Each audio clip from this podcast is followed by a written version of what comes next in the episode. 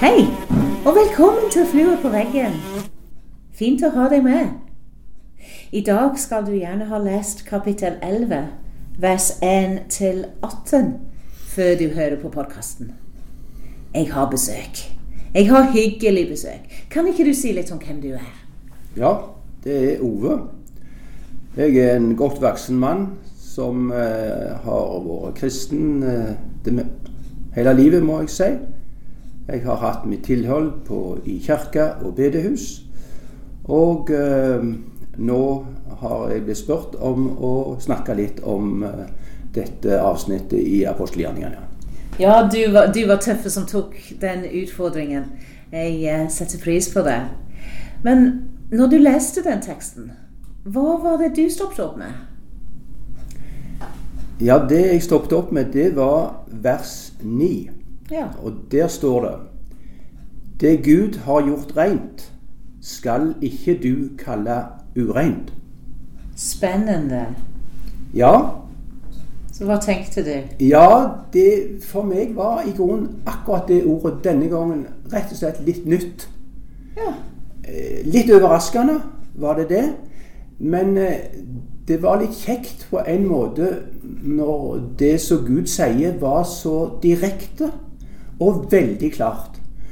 For nå var jo disippelflokken som var begynt å bli kristne etter eh, Jesus hadde reist til himmelen. Det var begynt å bli urolig, for eh, hedningene var begynt å bli invitert inn i Guds rike.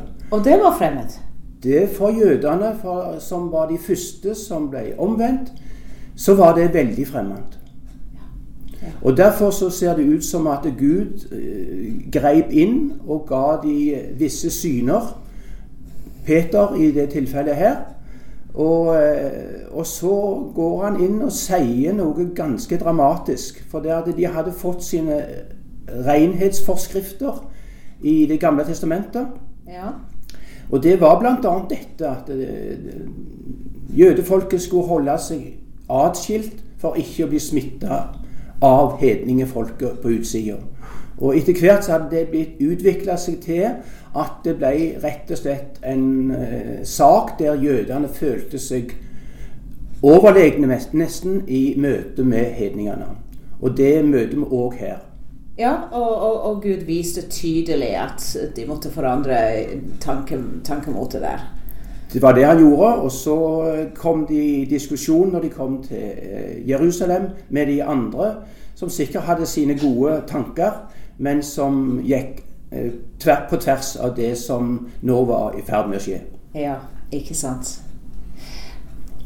Vi lever ikke i dette samfunnet nå i dag. Vi har et helt annet utgangspunkt. Men kan en, en sånn tekst som, som du leste, ha noe å si til oss i dag?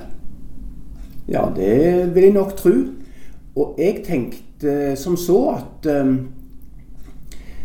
når Gud på den måten slår døra så fullt opp Ja. for alle, så er det vår uh, meste plikt til å rette oss etter dette. Og forsøke å eh, Våre tanker er innretta på at Gud han har gjort eh, skapt alt. Han har skapt det rent. Og da inviterer han alle inn i sitt rike. Det er jeg veldig glad for. Det er jeg. Ja, og dermed så er det noe som har blitt kalt for misjon. Det å forsøke å være med og utbre evangeliet eh, til alle. Ja.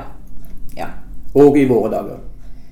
Ikke sant. Ikke sant. Og ofte er det ikke å reise til utlandet, men det er den misjonen som er i gata, eller det som skjer rundt kjøkkenbordet, som er like viktig. Ja, det budskapet har vi fått for ingenting, og det skal vi levere tilbake for ingenting.